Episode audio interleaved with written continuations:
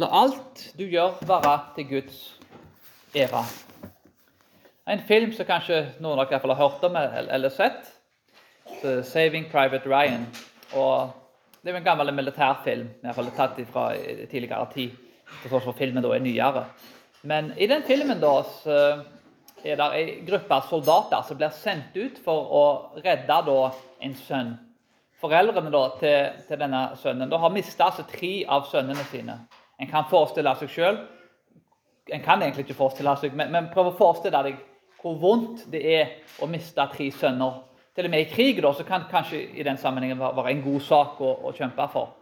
Men det å miste tre sønner må være helt forferdelig. Men potensialet her er at den fjerde sønnen kan òg bli mista. De kan miste han da i krigen, for han er ute i felten og kan dø da hvis ingen går ut for å berge han. Så Det ble sendt en gruppe soldater for å berge han. Mange soldater dør faktisk for å berge dette ene livet, sånn at foreldrene i det minste skal ha én sønn som lever. At ikke alle sønnene skal dø. Og Det ender opp med at mesteparten av de folkene som prøver å berge denne karen, dør. Men han overlever faktisk, sammen med noen få andre. Og Han står på gravplassen, så dere husker den scenen fra gravplassen mot slutten av filmen. Og Da sier han at jeg husker det dere sa til meg på broen da, altså midt oppi denne krigen. Jeg har levd livet mitt så best som jeg kunne, og jeg håper at dere er fornøyd med livet som jeg har levd. At jeg gjorde meg fortjent til, det dere gjorde for meg. En gruppe av soldater døde for at denne mannen skulle få leve. Og Han mente at det, det, det, var, det var en plikt for han å leve et liv som var verdig. Et liv som han da viste at han hadde gjort seg fortjent til. At det offeret som de ga han, var et, at han levde et liv som var verdig det offeret. Mange soldater som redda denne ene sønnen, døde, men sønnen levde. Det var jo ikke soldater som berga oss, og som frelste oss. Og det var ikke mennesker som døde for oss. Den som dør for oss, er mye større enn soldater. Det er jo skaperen av universet, Jesus Kristus. Og spørsmålet ble for oss da Hvis en kan da leve et sånt liv som han gjorde i filmen, så var et verdig liv å leve for det som var blitt gjort for han, hvor mye mer bør vi da leve et liv for Gud som er verdig? Et liv til Guds ære, et gudfryktig liv. Et liv som ikke er sløst bort på feil ting. I dagens tekst skal vi se hvordan Paulus velger å svare på dette spørsmålet. Hvorfor og hva bør motivere oss til å leve liv for Guds ære? Og Det Paulus prøver å si i teksten, er at la alt du gjør, bli gjort for Guds ære. La absolutt alt du gjør, bli gjort for Guds ære. Og Det er tre ting som Paulus går gjennom for å påpeke viktigheten av dette, og hvordan dette fungerer. Nummer én Gjør det som er til gagn for det neste, vers 23-24. Nummer to, sett samvittigheten til det neste foran din egen. Nummer tre, la alt du gjør, være til Guds ære, sånn at mest mulig folk kan bli frelst. Vers 30-33. Nummer 1. gjør det som er til gagn for din neste. Vers 23-24. I vers 23-24 har lov til alt, men ikke alt gagner. Har lov til alt, men ikke alt er til oppbyggelse. Og Paulus siterer fra tidligere, og han gjentar faktisk en del populære sitater fra korintkulturen. Jeg vet ikke akkurat hva som er kilden til de sitatene, eller om det er et ordtak, eller eh, ja, som, i, som i Apostelens gjerne kapittel 17, et, kanskje et dikt som han siterer. Men det er jo åpenbart at Paulus har stor kunnskap om kulturen som han er i. Og Han siterer da 'jeg har lov til alt', men, men kommer som et motsvar til dette her. da. Ikke alt gagner. Jeg har lov til alt. Dette er noe han siterer fra kulturen, men ikke alt er til oppbyggelse. Så Paulus setter altså det kulturen mener om ting og sier om ting, og setter opp det som en kontrast og gir et motsvar på dette her. Og I vers 24 så sier han ingen må søke sitt eget, men heller det til det som er gagn for sin neste. Og Det er mange ting vi, vi, kan lære av disse tingene. Det første er at uh, ikke alt vi gjør, gagner. Nummer to ikke alt vi gjør, er til oppbyggelse. Og Et prinsipp som bør regulere mye av disse tingene, er at alt vi gjør, må søke det som er best for vår neste, og at da folk kan bli frelst. Paulus retter på korinterne sin forståelse av frihet. Han kaller korinterne til å tenke nytt om frihet og hjelpe dem til å bygge opp andre og sin neste rundt seg. Og at de skal søke det som er det beste for sin neste. Korint hadde problemer med en løssluppen frihet, både seksuelt så vel som andre ting. Deres forståelse av frihet var litt sånn at jeg har lov til alt. Jeg kan gjøre hva jeg vil. Gå i kirke om søndag, og resten av uka så går jeg til prostituerte og, deltar i tempel av gudsdyrkelse. Så det var, noe, noe, det var ikke alltid noen gode forbilder i måten de levde livene sine på. Og det er mange ting som sagt vi kan lære. Paulus' misjonstaktikk her for å løse dette problemet er i veldig stor grad at Paulus er en, en uhyre lærd person. Men en person også som, som er romersk statsborger, som kan språkene Han, han er, han er gjennomsyret av kulturen han er i. Han er jo ikke da blitt en del av den kulturen, men han, han har altså en, en, en, stor kunnskap om kulturen. Eh, det er et bilde alltid som jeg ble gitt på apologetikkstudiet. Det var liksom avis i ei hånd og Bibelen i den andre. Paulus hadde ikke aviser på den måten som vi forstår det, men, men, det var en person som i stor grad visste hva som skjedde i kulturen. Han kunne filosofien, han var godt skolert i hedenskap og hadde kunnskap om mye av det som skjedde i kulturen. Men samtidig da, så var han forankra i Bibelen. De største evangelistene etter min mening, er folk som har en uhyre god kjennskap til kulturen de er i, som forstår kulturen, forstår språket og, og, og ting det innebærer. Samtidig som de er forankra i Bibelen, ikke går på kompromiss med bibelske sannheter. De formidler bibelske sannheter inn i en kultur på en måte som kulturen forstår det på. Og igjen, Dette vil være ulikt i alle kulturer. Nummer to det handler ikke alltid om hva en har rett til å gjøre, men hva som faktisk er rett i en gitt sammenheng. Og Paulus gjør ulike ting i ulike sammenhenger. og av og til Når vi leser brevene, så kan vi til og med tenke at de er selvmotsigende. Men egentlig så adresserer Paulus ulike kirker, ulike sammenhenger ulike folk. Og Noen ganger så er eh, et visst type svar rett, men på en annen sammenheng så er det bedre å gi opp den rettigheten og ikke gi det svaret. Uansett så bør dette lede til at en elsker sin neste som seg sjøl.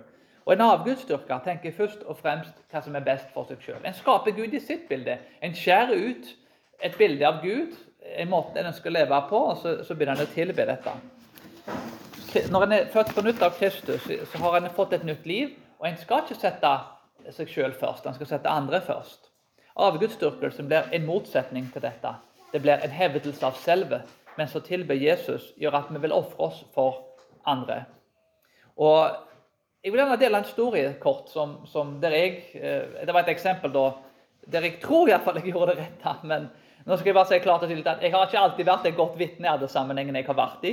Det er ganger der jeg har gjort det som er feil. I denne sammenhengen da, så, så tror jeg kanskje muligens at, at jeg gjorde det rette.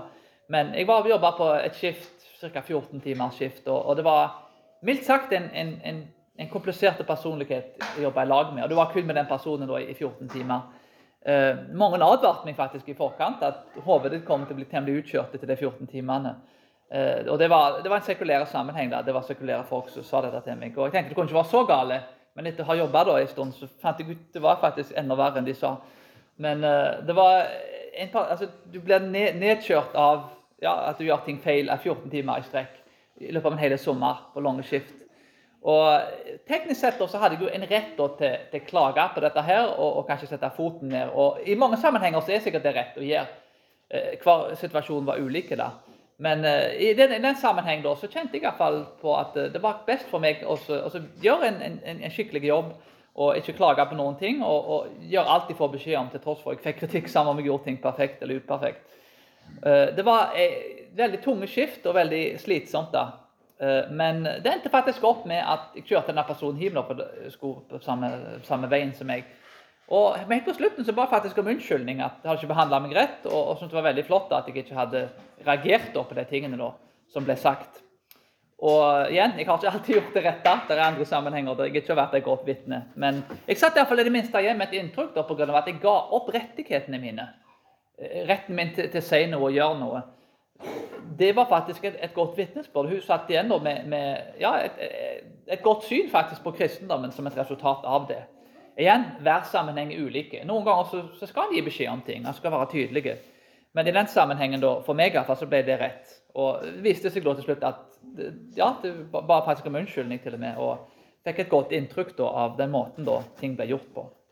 Igjen, Det er ikke for et godt inntrykk av meg, men forhåpentligvis da, så var det et godt vitnesbyrd om Jesus Kristus, da, med tanke på at vi snakket litt om de tingene.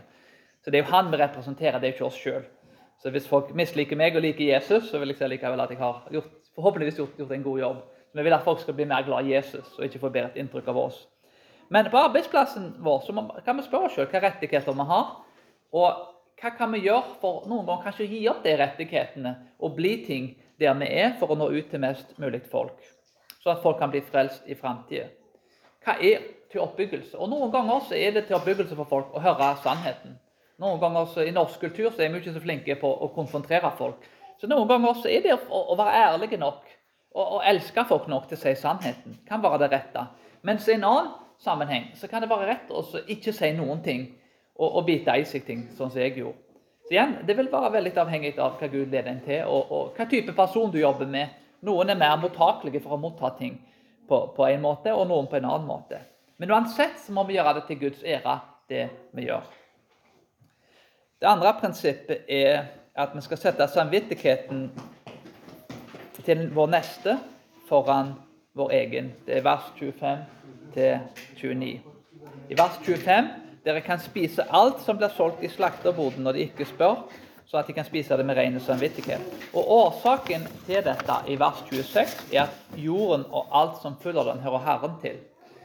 Og Det er noe med dette at vår nestes samvittighet skal regulere hva vi kan spise på markedet.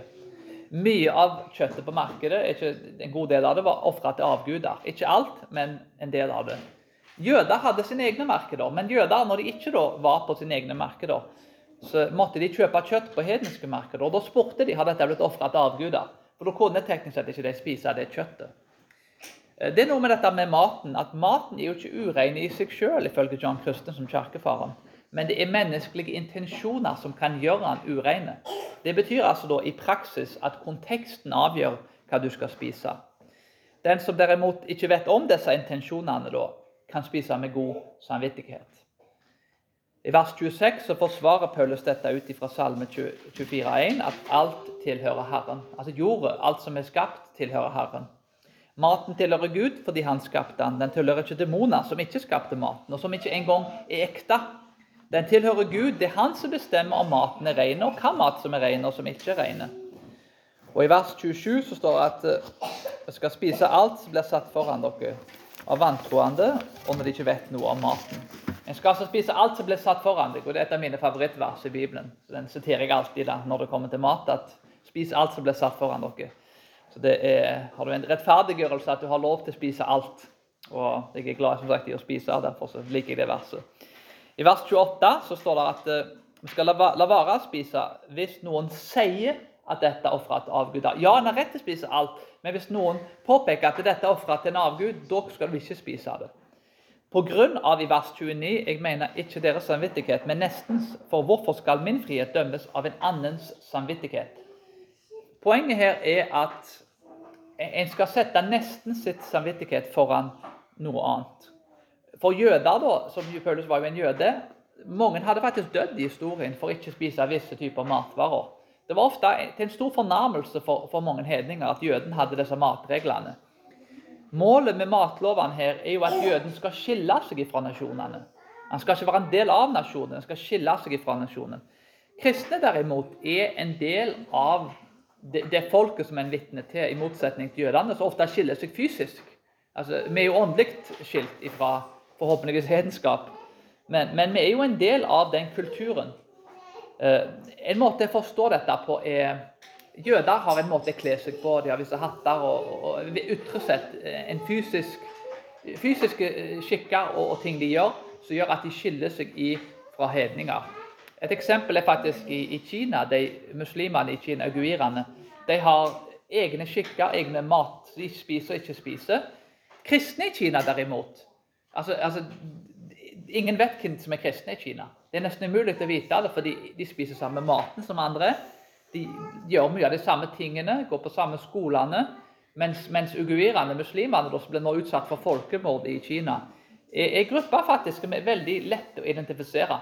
De har et visst utseende, visse skikker, de spiser ikke gris, går ut ifra. Så det er flere ting som gjør at de kan lett lokaliseres og identifiseres. Mens kristne i Kina de er omtrent usynlige uten at de sier de tror på Jesus. Og Målet til kristendommen er faktisk ikke å skille oss ifra folk fysisk og geografisk, sånn som muslimene i Kina gjør. Men det er faktisk å være i verden, men ikke av verden. Det er altså hjertene våre. Vi skal ikke ha synd og hedenskap i hjertene våre. Men hva vi gjør utvendig til hva mat vi spiser, er egentlig når alt kommer til alt ganske ubetydelig, for Gud skapte all maten. Det er noe med dette òg at mat i mange kulturer er noe Altså, det er mer enn mat. Det er kjærlighet, fellesskap, vennskap. Og dype bånd blir knytta gjennom maten. Så mat er ikke bare mat i mange kulturer. I vår kultur er det kanskje i større grad enn nå. Men, men mat er, er, Det er noe dypt over mat i den jødiske kulturen nå som Paulus snakker til den romerske kulturen. Den østlige kulturen så, så, er jo mye mat en, en, har en veldig dyp betydning. Invitere noen til middag er, en større handling enn å bare gi folk mat. Det er en kjærlighetshandling. Så det stikker mye dypere enn vi ofte tror. Og Det vi skal gjøre her, da, det er noen sånne enkle prinsipper for å sette dette litt ut i praksis. er at eh, Om en hedning ber deg om å spise, spis. og Spis alt som blir satt foran deg. Om en hedning ber deg om å spise, og en, en jøde da var med deg, eh, som ikke spiser gris, og du blir tilbudt gris, og han påpeker at dette er ulovlig å spise, så kan en avstå fra å spise det med hensyn til f.eks.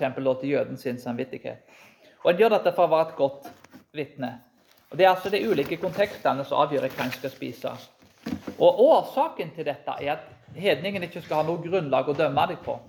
En skal være et godt vitne, og svært mange vil bli fornærma hvis en ikke spiser det en blir servert. Eh, jeg kjenner en misjonær i Taiwan. Taiwan er jo en litt annen kultur enn vi har. I Taiwan så kan du hilse på folk, og så kan du si si hallo, så sier du 'Har du spist ennå?' Det er altså en måte du treffer folk ute på. Det første du sier, 'Har du spist den? Er du mett?' Eh, litt merkelig hvis du sier det på norsk. liksom jeg treffer dere, ja, har, har, du spist? Er du mett? Eh, du blir forvirra. Du tenker at det er en merkelig måte å si ting på. Men, men sånn er det altså der. Du, det, mat er, er, noe som er utrolig sentralt i kulturen. Så folk tar det veldig personlig hvis du ikke spiser maten deres. Når du besøker noen, til og med, så tar du med deg mat kanskje bare for å vise kjærlighet og at du bryr deg om dem. Kjente misjonær i Taiwan, en, en, som jeg personlig liker veldig godt. men han vært misjonær i kanskje 30 pluss år. da, Veldig grei fyr. Men han er veldig kresen på matveien. og Det var ikke så lenge siden jeg snakket med han.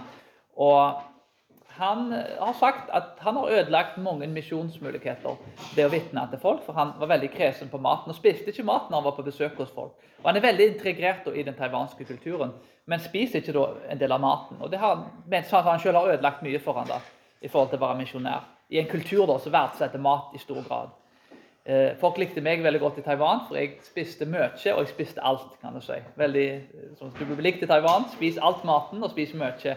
Da blir du en, fort en favoritt hos folket der. da. Så det er en veldig, veldig enkel måte da, å komme inn i kulturen på. Bare vis at du verdsetter maten deres. Det er noe med dette å prøve alt du får servert av mat. Og igjen, Du trenger ikke spise ti personer, men, men prøv det. En vil ofte vekke anstøt hos folk hvis en ikke spiser maten. Og vi vet jo kanskje det hvis vi er på besøk hos besteforeldre og kanskje er på en diett. et eller annet, og Jeg tror ikke våre besteforeldre kanskje forstår det, hva det er, og hva en diett egentlig er engang. Du ikke vil spise det kakestykket, så til og med våre egne besteforeldre og oldeforeldre blir fornærma. Du, du, spiser det som blir satt foran deg. Hvis det ikke er så, så sier du, da sier du til den personen at jeg tar ikke imot kjærligheten som du vil vise meg. Sånn blir det tolka, om, om det er rett eller galt. Og tenk deg at du er kanskje den eneste ja, kanskje den eneste kristne som folk kjenner. Eneste folk som har denne forståelsen av Bibelen.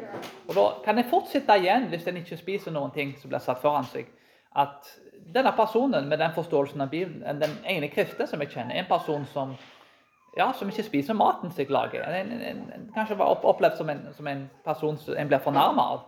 Og Det kan fort bli en sånn ting som folk setter, setter seg fast i hodet til folk. Så blir en snublestein i, i hodet på folk som gjør at de ikke er så mottakelige for evangeliet. En annen ting jo er eh, å ta hensyn til de ulike kanskje religiøse grupperingene. Ikke server kaffe til en mormoner, ikke spis okse når en hinduist er der, og ikke spis gris f.eks. der en jøde eller muslim er på besøk. Avstå fra de tingene med hensyn til disse tingene. En annen ting som er veldig fint når du inviterer folk på besøk, er ta hensyn til matpreferansene til folk. Jeg har heldigvis ingen matpreferanser, så ingen trenger å ta hensyn til meg på akkurat det. men jeg spiser alt, men, men, eh, mange har kanskje allergier, de har kanskje gluten. Altså er, og noen er kanskje veganere. Eh, ta hensyn til det og vis at ja, du tar hensyn til matreferansene. Og Det er noe som folk verdsetter i veldig stor grad. Eh, det er noe som folk vil virkelig sette pris på. Til teknisk sett man ikke da, det er ikke forplikta til å gjøre det, så er det, er det, en fin ting som kan gjøres. Og en måte en kan sette dette prinsippet ut i praksis på. Og Det bringer oss til det siste punktet. La alt dette bli gjort for Guds ære, sånn at folk kan bli frelst. Vers 33-30. Sorry, 30-33. Vers 30.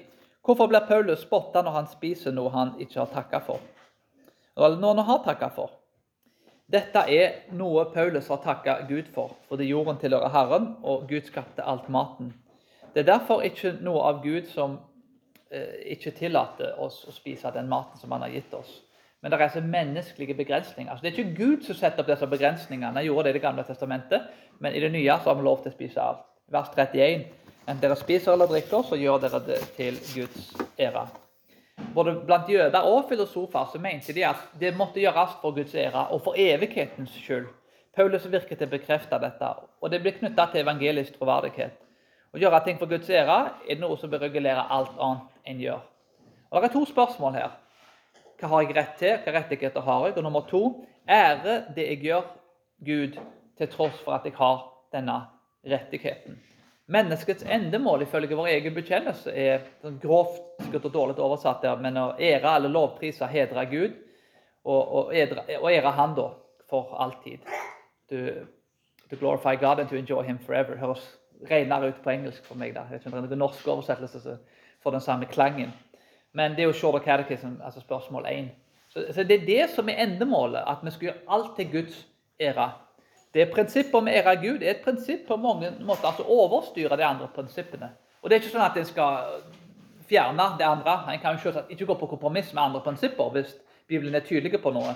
Så ærer en jo ikke Gud om vi bryter det prinsippet. Men, men, det er et prinsipp i hvert fall, det minste bør være et endemål, en endestasjon, en alltid må ha i bakhodet. Er det jeg gjør, ærer det Gud. All etikk og lover i Bibelen bør i, i en viss grad være styrt ut fra det prinsippet. Og, og, og, modifiseres kanskje ut fra det prinsippet, uten å forandre selvsagt på hvis, hvis det gagner noen å lyge. Men jeg, altså det vil aldri gagne å lyge, mener jeg, uten at det selvsagt da uh, er en omstendighet der en kanskje må berge et liv. Uh, hvis, hvis, noen er i ferd med å dø, og du er, du er, nødt til å gå på kompromiss, da, så, så er det kanskje et, et visst unntak. Men spørsmålet vil alltid være da, er en Gud med dette vers 32-33. Vær ikke til anstøt verken for jøder eller for grekere eller for Guds menighet. Slik prøver også jeg i alle ting å gjøre det som er best for alle. Jeg søker ikke mitt eget gagn, men de manges, slik at de kan bli frelst. Nummer én vær ikke til anstøt for noen. Nummer to gjør det beste for andre, ikke til eget gagn. Nummer tre gjør det som gagner flest mennesker, sånn at de kan bli frelst. Og Dette tror jeg i stor grad er det som styrer prinsippene her til Paulus. Paulus overga sine egne preferanser for Guds større mening og mål, som er å frelse alle i alle nasjoner. Endemålet det vi gjør, er å leve ut Guds ord og formidle ordet, sånn at folk kan ende opp med å lovprise ham for alltid. Alt annet er sekundært. Ikke uviktig på noe som helst vis, men, men dette blir et, sånn, et grunnleggende prinsipp til og med i vår bekjennelse. Så med andre ord da, konteksten en er i, avgjør det en spiser.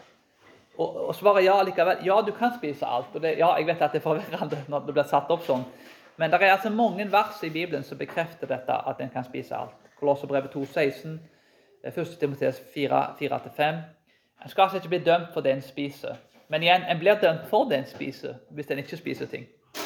Eh, Romerbrevet 14. Hver person må bli overbevist i sitt eget hode i forhold til hva en skal spise. Så igjen det, Å være et godt vitnesbyrd vil avgjøre egentlig det en spiser når en er hos folk. Vi kan spise alt. Vi har lov til å spise alt. Takk og pris for det. Og Dette gjør faktisk kristendommen til den mest tilpasningsdyktige religionen i hele verden. Tenk at vi ikke har disse restriksjonene. Vi har faktisk lov til å gå inn i hva kultur som helst i verden og spise alle ting. Og det er en ting med kristendommen i den tiden vi lever i, med forfølgelse og sånne ting. Vi må ha i minne at, at kristendommen er altså, Vi har et gammelt testament som går tilbake kanskje 3500 år nesten. Dette er noe som har overlevd gjennom mange mange sivilisasjoner. Det er den mest dynamiske og tilpasningsdyktige religionen i hele verden. Og Uansett hvor vanskelig ting blir, så har kristendommen hatt en evne til å tilpasse seg. Og En av grunnene til det er at det ikke er matreguleringer, tror jeg. da. Iallfall en av mange grunner, selvsagt. Men det er veldig bra at, at Paulus da gjør dette om til en kontekstuelle ting. Men uansett, så igjen, vi har rett til å spise alt, men en må unngå å spise visse ting hvis det fører folk bort ifra troen.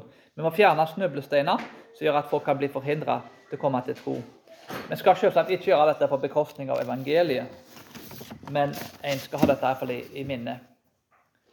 Denne misjonæren i Taiwan som jeg snakket om, snakket, sa faktisk nylig til meg at grunnen til at han ikke hadde spist ting, var ikke det at han bare var kresen i forhold til mat, eh, men han sa faktisk at det handla faktisk for han Det var stolthet ofte som drev han. Han er veldig ydmyk at han faktisk sa det.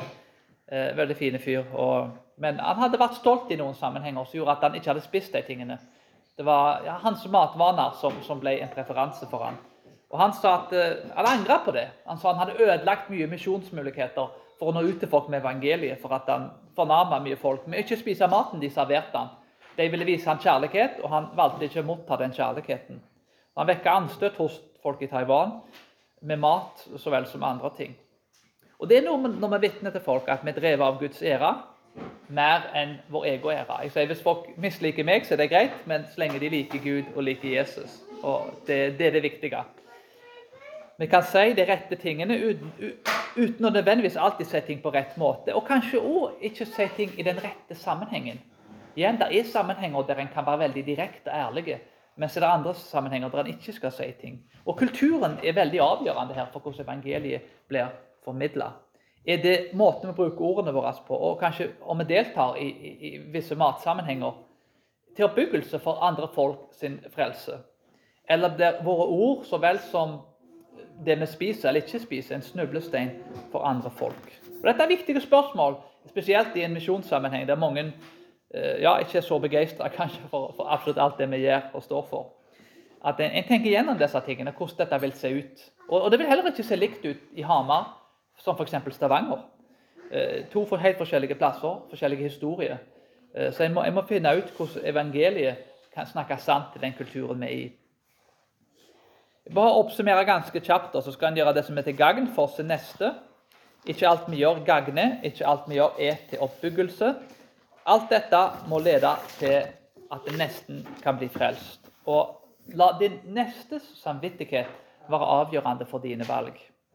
Og Det som styrer alt dette, er å ære Gud og føre folk til frelse, er et avgjørende prinsipp. At vi legger ned rettighetene våre. Og spør oss ikke hvilke rettigheter vi har, men hva som faktisk er rett i et sammenheng, og som fører folk til frelse.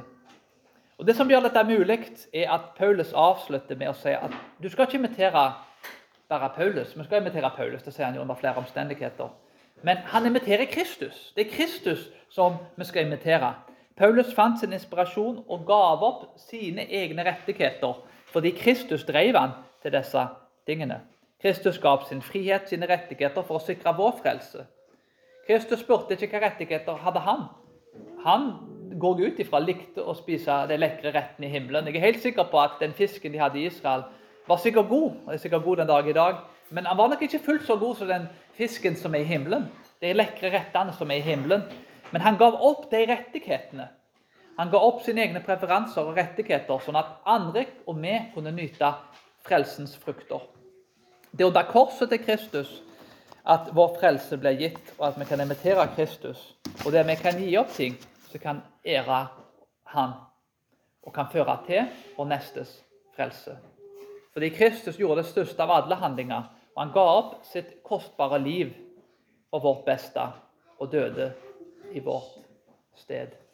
Hvis vi tenker på denne filmen, 'Saving Private Ryan' uh, Hvis vi tenker på den filmen, så tenker vi kanskje ofte at det er en utrolig stor ting at alle disse sønnene var villige til å dø for at den ene sønnen skulle leve. Men hvor mye større er det er at Guds egen sønn kom for å dø for oss, og at derfor så får vi leve.